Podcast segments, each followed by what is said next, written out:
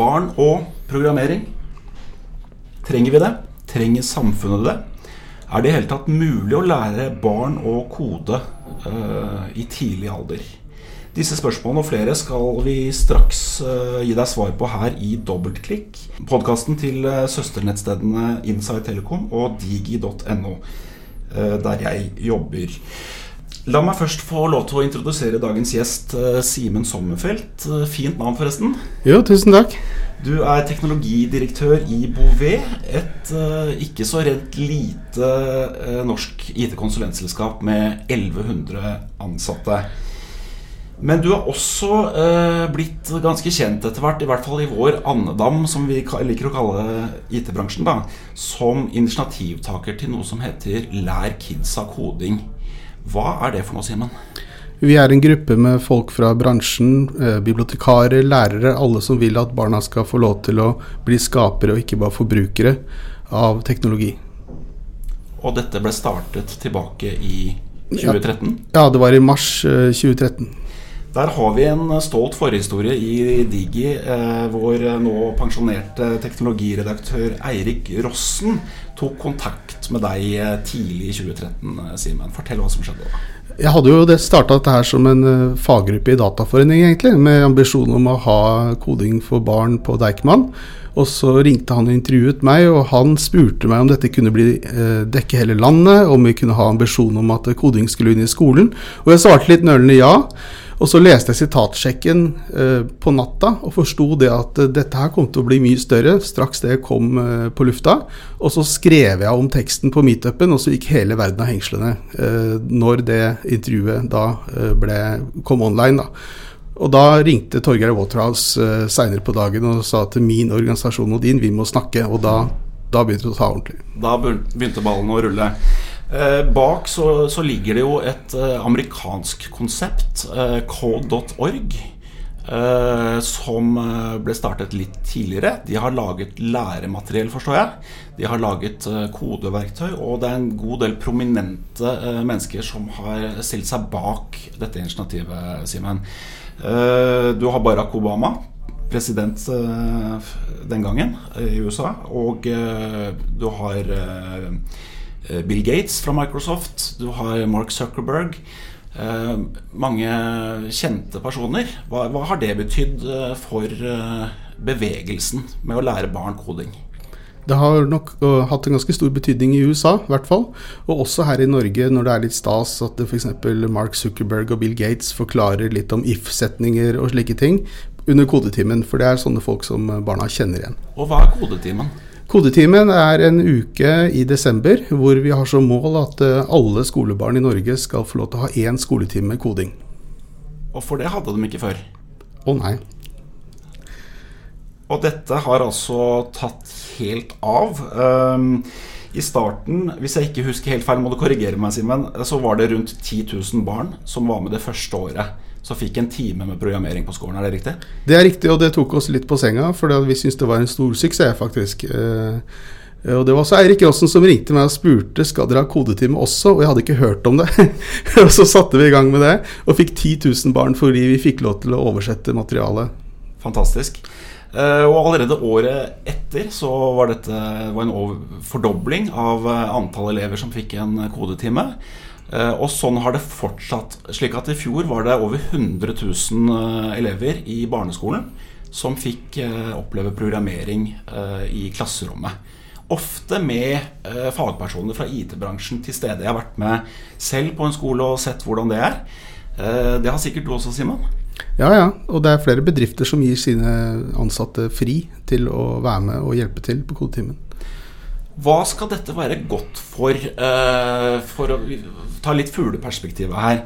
Uh, jeg stilte noen spørsmål eh, innledningsvis her. Kan barn lære seg programmering? Det høres kanskje ut som et banalt spørsmål. Kan de det? Ja, altså Det spørs hva du mener med å lære seg programmering. Hvis du, tenker, hvis du, mener at de kan lære seg litt av konseptene, det, det at de kan snakke med maskinen på et språk og få den til å gjøre ting, absolutt. De kan selvfølgelig ikke bli profesjonelle programmerere sånn helt uten videre, men det handler om, at, uh, det handler om demokratisering, egentlig. At de skal forstå litt mer av verden rundt seg. Og så vet jeg at du, du, er jo opptatt av at det er ikke alle som skal bli uh, utviklere og nødvendigvis få en jobb i IT-bransjen, men du ønsker jo å øke rekrutteringen til IT-utdannelse. Men uh, det er vel som tresløyd, er det ikke det? At uh, selv om man har det på skolen, så blir man ikke tømrer eller snekker av den grunn? det er veldig bra formulert. Det er i grunnen hva det handler om. At du skal kunne løse ting i hverdagen rundt deg kanskje litt bedre. Og forstå litt mer hva det handler om på jobben. Og det vi ser i dag, er at politikere forstår jo veldig lite. Så om de hadde lært litt mer når de vokste opp, så kunne de ta bedre stilling til Eh, ting som har med IT å gjøre. Og da får vi kanskje et samfunn hvor vi i litt mindre grad er forbrukere og konsumenter av teknologi, men uh, vi forstår vel mer hvordan tingene henger sammen. Uh, og man kan jo også bruke noe av det til som en hjelp i jobben sin. Selv om man ikke er utvikler, så kan det være greit å vite en, hva en makro er, kanskje, eller andre ting. Absolutt. Og eh, hvis du ser på økonomer i dag, så, så, er det faktisk et problem for bedriftene som tar imot disse nyutdannede økonomene, at de ikke forstår de konseptene som ligger bak eh, disse nye tingene innenfor økonomi, som f.eks. blockchain og artificial intelligence og slike ting. Så det har begynt å bli et krav fra eh, de som tar imot økonomer, om at de må kanskje lære litt mer. Om de ikke skal bli programmerere, så må de forstå mer om IT og digitale ting på en litt bedre måte enn de gjør i dag. Og her handler det også om å vekke en tidlig interesse, så et lite frø i barnas hode. Eh, og noen av verktøyene er laget, eh, vet jeg, på MIT, eh, det prestisjeuniversitetet utenfor Boston i USA. Scratch er et eksempel på det. Når jeg var der, så hadde denne maskotten en oransje, søt liten maskot som passer bra til barn, som, jo er logoen til Scratch. Dette er vel et uh, visuelt uh, programmeringsverktøy hvor du kan dra og slippe ulike blokker med kode. Uh, hvordan fungerer det ellers, Simen? Jo, Vi vet at barn de kan ikke skrive programmer, sånn tekstlige programmer. De, de har ikke evnen til den abstraksjonsevnen da, før de kanskje er 11-12 år. Men å ha slike visuelle flytblokker, det gjør at de kan forstå hvordan disse kommandoene gjøres etter hverandre. Da, og hvordan du kan f.eks. ta en if-setning. Hvis katten krasjer med hunden, så skrik mjau. Og da, det gjør at barna får en veldig god intuitiv forståelse. Selv om de er ganske unge. Du forstår logikken bedre, egentlig? Ja. Uh, og løkker, eller loops, er vel også en del av Absolutt. Og, det morsomme er jo da at dette er også veldig likt det som er på Code Studio. ikke sant? Eh, slik at du, du kjenner igjen disse blokkene på tvers av Code Studio og Scratch og flere andre plattformer, så barna kan jobbe med forskjellige ting. Det er fint om du kan forklare litt hva Code Studio er også? ja, eh, Code Studio er det verktøyet som ble laget i forbindelse med kodetimen eh, fra, eh, fra code.org, som gjør at du kan ha en klasseromspakke med oppgaver som tar barna gjennom høyere og høyere nivåer, og hvor da læreren kan følge med på fremdriften. Da? Og så bruker de disse Disney-figurene og Star Wars og, og, sånne ting, og får at du får den kulturelle gjenkjenningen. Da. Og dette er rett og slett egentlig et ferdig eh, eh pensumopplegg til ulike klassetrinn. Men hvor tidlig kan man begynne egentlig med dette her? Det er veldig stor spredning på barns mentale kapasitet. Du, du kan gå helt ned til fem-seks år. Eh, det kommer helt an på, fordi de er på så forskjellig nivå. Men vi pleier å si sånn i åtte års, fra åtte år og oppover, så er det helt greit. Bra.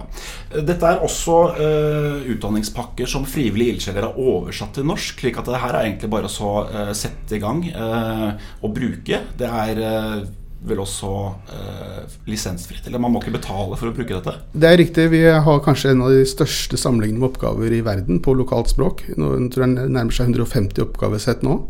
Og vi får respons fra flere folk i næringslivet og universiteter som hjelper oss med å lage oppgaver, med kodeklubboppgaver for, som studenter lager om sommeren. Eh, så det er helt riktig, det er, eh, det er veldig bra norsk innhold. Men vi trenger hjelp til oversettelser, faktisk. Og her er det mulig å Her er det mulig å bidra. Mm. Ja. Det samme med selve kodetimen, som jeg er ganske sikker på blir arrangert også i høst. Ja, det, det vi, Jeg vet ikke om vi klarer en dobling, i og med at det kanskje er 600 000 skolebarn i, i grunnskolen eh, totalt. Men det hadde vært stas å få 200 000 barn med, altså. Det hadde Er det andre verktøy enn Scratch, eh, kodemiljøet man sitter i, som man kan bruke? Eller andre enheter? For det er, det er jo ikke bare programmering her, det er også litt maskinvare inne i bildet, er det ikke det? Ja, og det, vi har jo et veldig bra samarbeid med Microbit, denne lille datamaskinen som lar barna starte å programmere som bare koster 100 kroner. Den ble jo laget av BBC og innført til alle engelske skolebarn. Det fine med den også er at det faktisk får jenter til å bli mer interessert. Fordi at dette har den helheten, det at det er litt fysisk og sånt, det appellerer faktisk litt jenter. Så vi har en ambisjon om å finne en finansieringspartner og prøve å få alle elleveåringer i Norge til å få en slik microbit. Og det er et uh, lite kretskort som kan minne om en Arduino eller uh, tilsvarende? Ja, den er, den er, litt større enn et frimerke og har kompass og akselerometer og noen LED-knapper og, og, og, litt sånn forskjellig. Er det også for de minste? Det høres nesten ut som det kunne vært noe som har vært gøy å dreve med også som voksen. Ja, det er kjempegøy. Men det er vel for samme aldersgruppen, ja. Og det blir mye mer stas, da. Og du kan også styre mobilens kamera og, og lydopptaket med den òg. Veldig tøft. Det har jo også vår statsminister faktisk eh, fått prøve. Eh, var på eh, hovedbiblioteket i Oslo i, i, fjor. Og det så ut som hun kostet seg, og det gjorde jo barna også. Med ja. både mikrobit og programmering.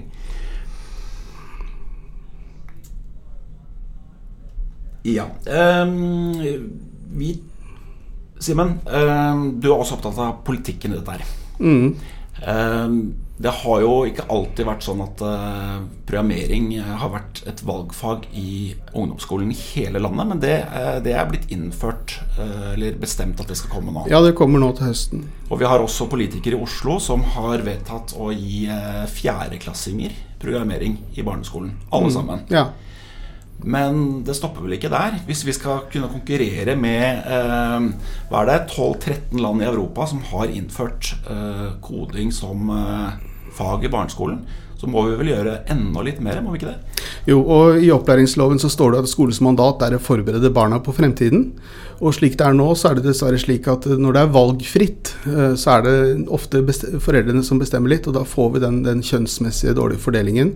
Og så uh, blir det ofte slik at de som har et talent, da, som kunne kanskje fått utviklet det, de vil aldri oppleve det. Så jeg føler at skoleverket vil svikte barna litt her, hvis ikke de, de, får inn koding for alle sammen som en mulighet. For da, det er først slik at du kan forberede barna på fremtiden og motvirke sosiale forskjeller. Og sist det var kommunevalg, da er vi vel to år tilbake i tid, så følte du vel at det, uh, dette begynte nesten å bli et valgkamptema? Uh, ja, det gjorde det. For at uh, Arbeiderpartiet i Oslo gikk til valg, eh, og vi hjalp dem selvfølgelig med det. Og, skaffe dem det grunnlaget. Slik at det er vårt opplegg som har vært kjørt i Oslo-skolen på AKS. men det, da catcha Høyre det og, og, og, fortalte at de skulle gi barna på uh, ungdomsskolen et, et, valgfag. ikke sant? Og nå så sier eh, Jonas Gahr Støre i den første statsministerduellen så ble det utfordret på dette her med koding i skolen, og da svarte han ja, vi skal lære kidsa koding. Og det det må jo Det er slik Altså, det, det, må inn i valgkampen, og vi prøver å dytte litt, men der trenger vi hjelp. Så vi har fått en slags uh, liten budkamp om å uh, levere mer uh, koding til barna. Det må ja, være bra? Vi håper det. det. Valgkampen har jo ikke kommet i gang skikkelig ennå, så vi får se hvor mye det blir brukt. Men det er nå på programmet til, til Venstre, til Miljøpartiet, til Høyre og Fremskrittspartiet og Arbeiderpartiet. Vi hører rykter om at selv Senterpartiet har, har vurdert å ta det inn i valgkampen sin. Så da må vi jo prøve å sørge for at det blir et tema i debattene, da. ikke sant? Absolutt. Eh, du har kanskje en, eh, en, oppfordring til de som lytter på, eh, også hvordan de kan være med å påvirke eller hjelpe? Sånn helt til slutt, Simen. Ja, Hvis det er noen som er politisk engasjert eller har noe med media å gjøre, så handler det jo om at dette kommer opp på agendaen. Ved å stille spørsmål eller pushe sjøl, egentlig. Slik at vi når utover bransjen, og at vi når mer breddelag. For det er de som politikerne hører på. Og når det gjelder å være best, så er vi jo veldig opptatt av det i Norge. Eh, ikke minst konkurransen med, med Sverige. Eh, eh, og de har jo innført uh, programmering i skolen. Ja, de har vedtatt i hvert fall at det skal bli et obligatorisk fag i grunnskolen. Og det, det er, må jo være noe av det bitreste å se seg slått av svenskene. Men her har vi også en mulighet til at vi kan ta igjen. Det skriver vi under med to streker under svaret på. Vi er helt enig i det. Vi kan ikke la svenskene slå oss. Eh, takk til deg, Simen, som, som, var med i dag. Og så eh, håper vi at noen tar imot oppfordringen. Takk for at jeg fikk komme.